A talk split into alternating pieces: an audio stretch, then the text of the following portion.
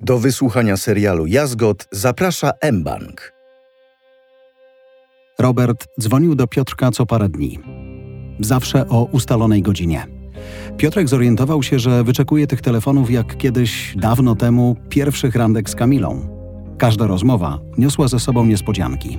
Najczęściej dobre, czasem złe, ale zawsze ekscytujące. Zdarzało się też, że Piotrek rozmawiał z Robertem w swojej głowie, nie tylko o finansach. Stał mu się bliski. Tak długo i szczerze rozmawiał przedtem tylko z żoną. Co do żony, Piotrek czuł się fatalnie. Bał się, że Kamila dowie się, że pieniądze zniknęły. Wcześniej się nimi nie interesowała, bo finanse ogarniał Piotrek i to on trzymał oszczędności u siebie na koncie. Ale teraz znalazł się powód inwestycje. Co jej powie, gdy poprosi o wyciąg z konta? Zabezpieczył się na tę okoliczność.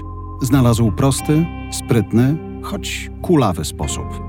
Niebawem miał okazać się pomocny, jednak wstydził się, gdy o nim myślał. Nie powiedział o tym nikomu, nawet Robertowi. Kto normalny trzyma pieniądze, jeśli można je tak łatwo pomnożyć, panie Piotrze? Znam już pana trochę i wiem, czym pan się kieruje.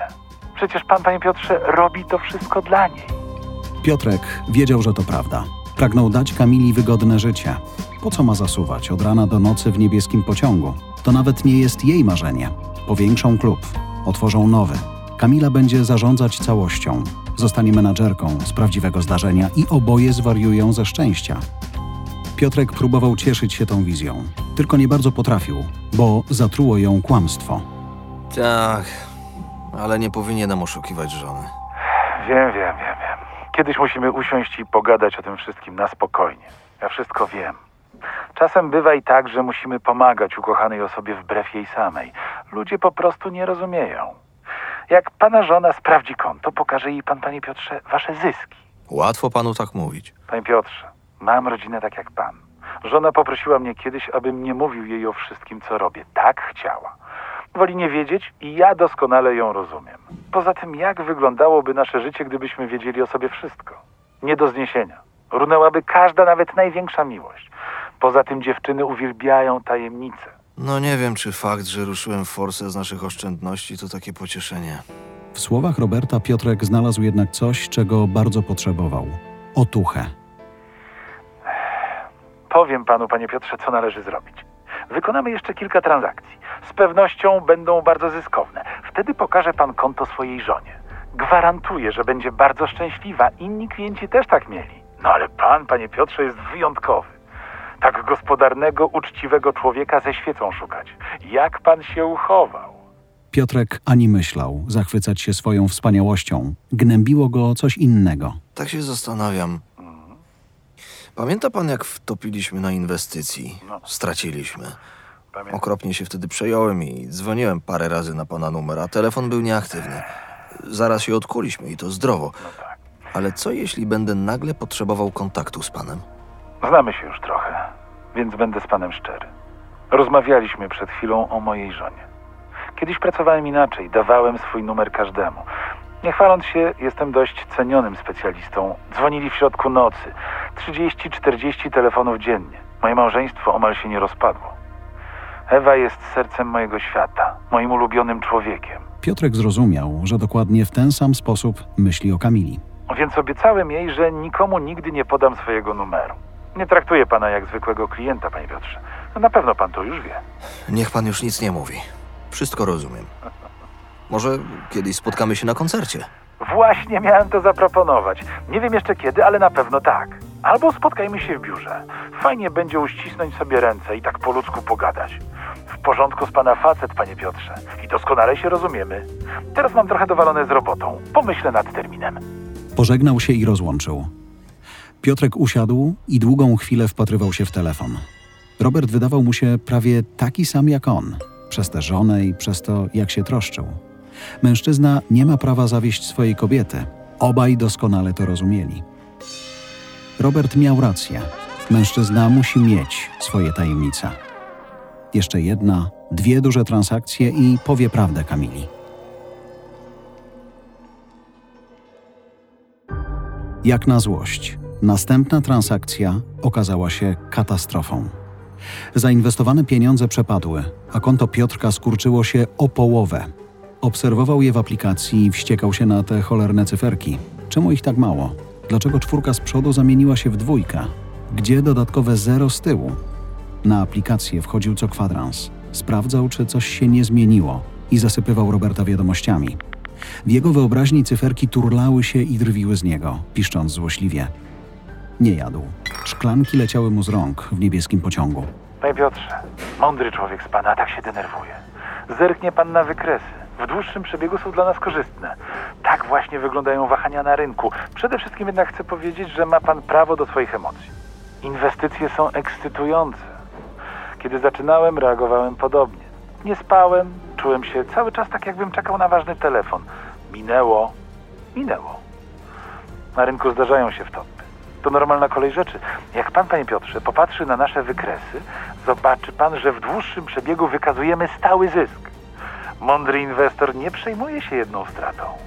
A pan, panie Piotrze, niedługo zostanie naprawdę znakomitym inwestorem.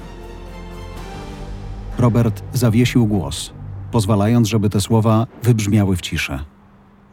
Piotrek, przyszły wspaniały inwestor, popadł na razie w pewną nerwowość.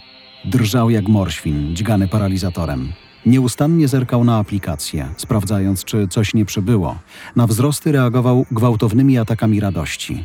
Każdy spadek przyjmował ze smutkiem. I gdyby ktoś zobaczył go, jak siedzi na taborecie w pozie antycznego myśliciela, z telefonem przed zasępionym obliczem, zapewne pomyślałby, że ma do czynienia z nałogowym czytelnikiem nekrologów.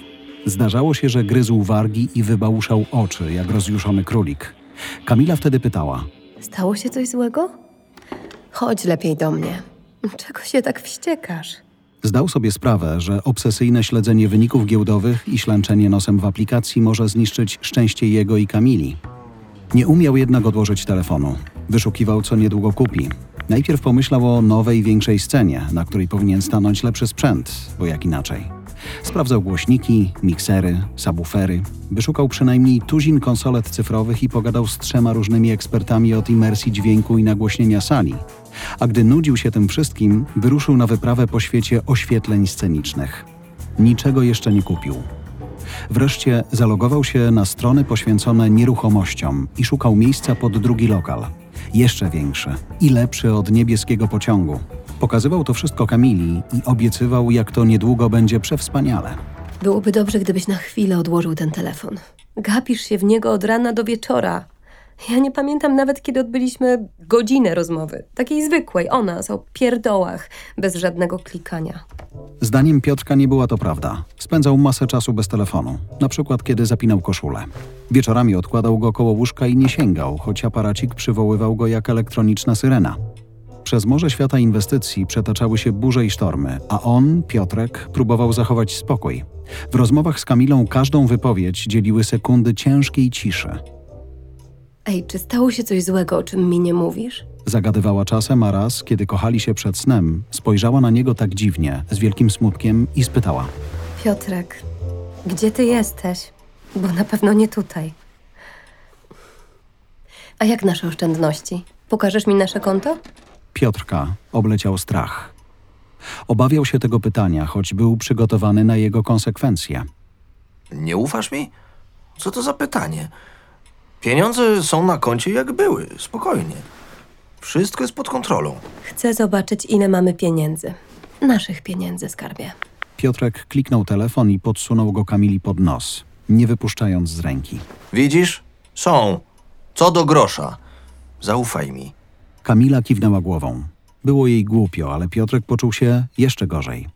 Pokazał jej screena, zrzut z ekranu bankowej aplikacji zrobiony zanim przelał pieniądze. Taki właśnie wymyślił sobie sposób. Wiedział, że ma krótkie nogi. Przeraził się, że Kamila nieznanym mu sposobem niedługo pozna prawdę.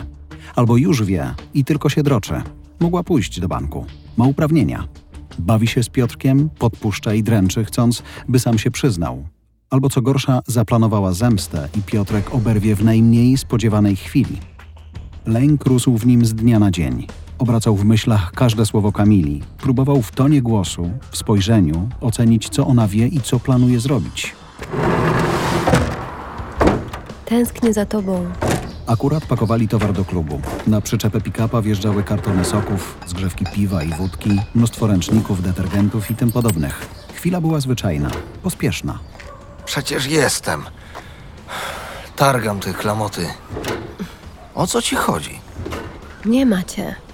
Nie macie, odkąd zaczęły się rozmowy z Robertem. Nie odzywasz się do mnie sam z siebie. Ciągle coś sprawdzasz w telefonie. Mamroczesz. Zamykasz się w łazience na 40 minut. Ciągle gdzieś wychodzisz. Zostawiłeś śmieci przed windą i pilota od telewizora w lodówce. Co się z tobą dzieje? Piotrek poczuł, że wzbiera w nim złość. Wziął na siebie taką odpowiedzialność. Zmienia swoje życie, uczy się inwestowania, a ona zawraca głowę jakąś łazienką i pilotem. Jestem cały czas. Nie wiem o co ci chodzi. Ja pracuję. Teraz też. Zasuwam, byśmy mieli lepszą przyszłość. Powiedz, kiedy ostatnio słuchałeś muzyki? Kiedy? Co ci znowu strzeliło do głowy? Cały czas słucham. A ty widzę, znów szukasz dziury w całym. Nie mam już do tego siły. Wiesz co? Zazdroszczę kolegom, co mają wsparcie w domu. Od żon, od dziewczyn. Czemu z tobą wszystko jest dwa razy trudniejsze? Jak ty do mnie mówisz? Piotrek, co się z tobą stało? Ty mi się stałaś. Piotrek zatrzasnął bagażnik załadowanego pick-upa, cisnął kluczyki na dach auta i poszedł gniewnym krokiem przez parking, wciskając ręce w kieszenie. Ani razu nie spojrzał za siebie. Dopiero po długiej chwili uświadomił sobie, że Kamila miała rację. Przynajmniej w jednym. Nie słuchał muzyki. Nie włączył żadnej płyty od kilku tygodni. Zdaniem Piotrka nie tylko Kamila zachowywała się dziwnie. Przez cały wieczór w niebieskim pociągu czuł na sobie wzrok Szymona Piątej Klepki. Brodaty barman posyłał mu długie i ostre spojrzenia, takie świdry zdolne wwiercić się w głąb czaszki. Na każde pytanie odpowiadał zdawkowo i szybko. Wychodził na papierosa dwa razy częściej niż zwykle i zaczął skrupulatnie pilnować ilości alkoholu wydawanego gościom, co wcześniej mu się nie zdarzało. Wieczorem zostali sami. Składali razem stoliki. Gdy został ostatni, Szymon poprosił Piotrka, żeby usiadł. Wbił w Piotrka ten stalowy wzrok. Stary, czy ty masz babę na boku? Tego Piotrek się nie spodziewał. Skąd Szymonowi coś takiego przyszło do głowy? Zaczął się bronić. Wymachiwał rękami i tłumaczył, że Kamila jest miłością jego życia. Nigdy by czegoś takiego nie zrobił. Napatrzył się na muzyków, którzy w wywiadach pletli androny, jak to kochają swoje dzieci i żony, a potem rwali dziewczęta spod sceny. Przysiągł sobie, że nigdy nie będzie taki i właśnie to powiedział Szymonowi. Ten jednak ciągnął swoje. No możesz mi powiedzieć. Piotrek najchętniej walnąłby przyjaciela między te mądre oczy. Nie zdradzam Kamili i nigdy tego nie zrobię. To mój ulubiony człowiek. Ulubiony człowiek? Nie mówiłeś tak o niej wcześniej.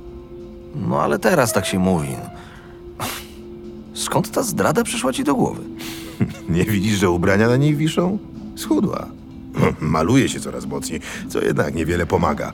Ma podkrążone oczy. No, prawie się nie śmieje. O, dziś ją złapałem, jak płakała w publikacji. Udawała, że nic się nie dzieje.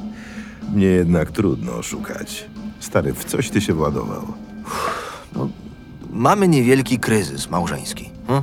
To wszystko. Kamila histeryzuje. Kamila to twarda i mądra kobieta. Nie kłam mi tutaj o małym kryzysie. Co ty odwalasz, Piotrek? Chłopie, zrzuć to z siebie, jakoś zaradzimy złu. Ja nie oceniam. Chyba jesteś jednak w gównie. Ja chcę cię z tego wyciągnąć, no. No chyba, że lubisz ten smród. Piotrek zacisnął palce. Chciał tylko jednego: żeby ta rozmowa skończyła się natychmiast. W tej chwili. Skąd wniosek, że ja coś odwaliłem? Co? A nie Kamila? Dlaczego masz o niej takie dobre zdanie, a o mnie wprost przeciwnie? Mamy problemy. Czepia się mnie, jest chmurna i złośliwa. Mam dowalone z robotą, a ona jeszcze zwala się ze swoimi pretensjami, a potem beczy po kiblach, jeszcze zawraca ci głowę. Namówiła cię, żebyś pogadał ze mną, co nie? Człowieku, kurde, gadam tutaj z troski. Ja kumam, że ci się ta rozmowa nie podoba, ale czasem trzeba. Od tego są przyjaciele, no nie? Piotrek wiedział, że powinien powstrzymać słowa cisnące mu się na usta. Był jednak na to za słaby i nazbyt rozjuszony. Powiedz mi, Szymon, dlaczego mam przyjmować małżeńskie rady akurat od faceta, który nigdy nie miał rodziny? Hm? A z ostatnią kobietą umówił się jakoś tak y, zagierka. Jaką wartość w mojej sytuacji mają słowa gościa, co za cały majątek ma gitarę, sypia w jakiejś ruinie i leje gościom wódkę, chociaż ma prawie 60 lat? Hm? Co taki facet może wiedzieć o zarabianiu, o ratowaniu małżeństwa? Powiedz mi. Przynieśmy lepiej ten stół. I było po rozmowie.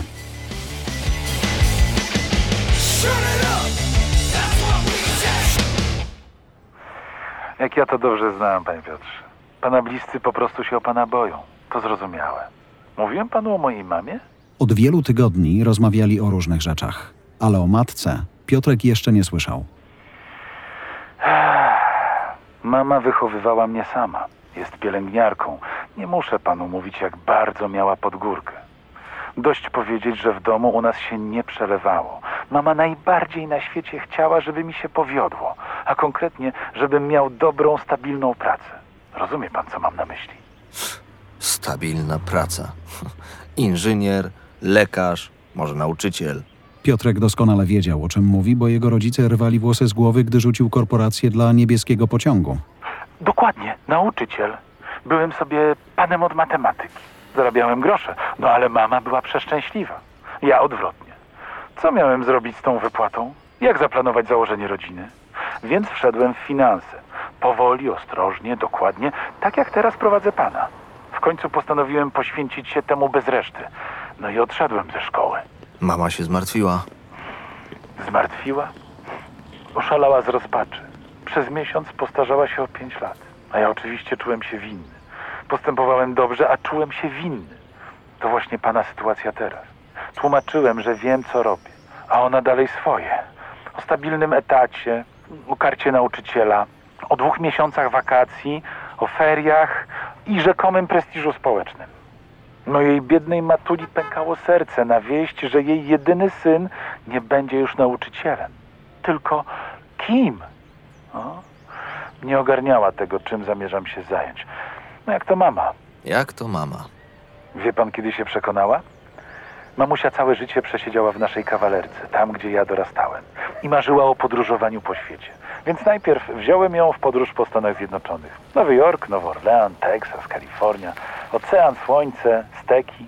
Cały miesiąc razem. Nigdy nie widziałem jej takiej szczęśliwej. Odmłodniała, a w jej oczach zobaczyłem małą, zachwyconą dziewczynkę.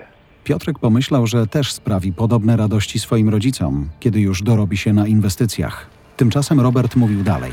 Jak wróciliśmy, to prosto z lotniska zawiozłem ją nie do kawalerki, lecz do nowego, pięknego mieszkania, które kupiłem dla niej. Z wielkim tarasem, wanną, jasną kuchnią i wygodnym łóżkiem. Mówię panu, panie Piotrze, o tym dlatego, że w pana przypadku będzie dokładnie tak samo. Żona w końcu zrozumie. Przyjaciel, ten ten Szymon, dobrze pamiętam, również. Oni martwią się o pana i troszczą. Mają do tego prawo, ale mylą się w swojej ocenie, chociaż troska jest szczera. Pracując ze mną, troszczy się pan o nich. Kiedyś zrozumieją. Tak właśnie jest. Ze wszystkich sił Piotrek chciał uwierzyć Robertowi. W końcu wyznał, co tak naprawdę leży mu na wątrobie. Opowiedział o kłótni z Kamilą i o tym, jak obraził Szymona. Sprawiłem im przykrość. Nie chciałem, żałuję.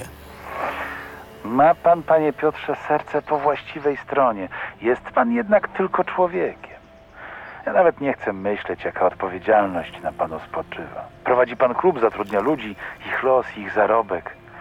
Stresuje się pan naszymi inwestycjami. Niepotrzebnie, ale to zrozumiałe. Sam taki byłem. Pan też nabierze pewności. Zadbamy i o to. Próbuję powiedzieć, że pana reakcja moim zdaniem była bolesna dla bliskich, lecz też bardzo ludzka. Stresy i tyle. Powiem tak, widział pan, jak ładnie odbiła się ostatnia transakcja. Zrobimy kolejną, jeszcze bardziej korzystną. A pan pochwali się żonie nowymi zerami na koncie. Proszę mi wierzyć, prędzej czy później żona pana zrozumie. W piątek grał na świetne trio. Piotrek czuł, że powinien odwdzięczyć się za słowa, które właśnie usłyszał. Najlepiej muzyką. Fajnie byłoby usiąść, pogadać. No, W piątek nie dam rady, cholera. Nie wyrobię się. Ale wie pan co? Ma pan rację, panie Piotrze. Niech mnie pan odwiedzi w firmie. Najbliższy czwartek, samo południe.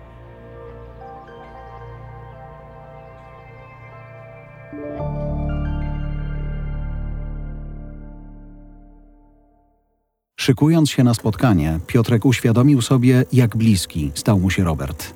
Od miesięcy toczyli długie rozmowy. Gadali o muzyce, filmach, dawnych dziewczynach, właściwie o wszystkim. Zaczął myśleć o nim jako przyjacielu. Trochę dziwne, bo znał tylko głos i zdjęcia. Jaki naprawdę ten Robert jest? Wyobrażał go sobie jako ruchliwego mężczyznę o żywych oczach, który chętnie zamienia ten niedorzecznie drogi garniak na trampki i t-shirty. Fajnie będzie go poznać. Może niedługo uda się z koncertem. Albo zaprosi go z Kamilą do domu, na kolację. Pierwsze koty za płoty. Piotrek założył wyprasowaną koszulę i napastował buty. Żałował, że nie ma drogiego zegarka, bo słyszał, że właśnie taki wyznacza pozycję społeczną. Obiecał sobie, że kupi aż dwa drogie zegarki. Jeden dla siebie, drugi dla Kamili. I z tą myślą wyszedł z domu. Lupus Invest mieściło się w biurowcu Pegas na Kazimierza Wielkiego w centrum Wrocławia. Była jesień i jak zawsze o tej porze wszystko wydawało się odrobinę nierzeczywiste. Ludzkie sylwetki, wiatr wyrywający parasole i światła autobusów odbijające się w kałużach. Budynek Pegaza, jasny, z gęstą siatką wysokich okien, wyglądał trochę jak statek kosmiczny. Przed wejściem, wśród wielu innych, wypatrzył wizytówkę Lupus Invest. W logo mieli wilka, wyjącego do jednodolarówki. Wybiła dwunasta. Piotrek już zmierzał w stronę portiera, żeby prosić o wejściówkę, gdy zadzwonił telefon. Przepraszam, muszę odwołać spotkanie. Stało się coś ważnego. I musiałem lecieć z biura. Tak, tak, zadzwonię, zadzwonię.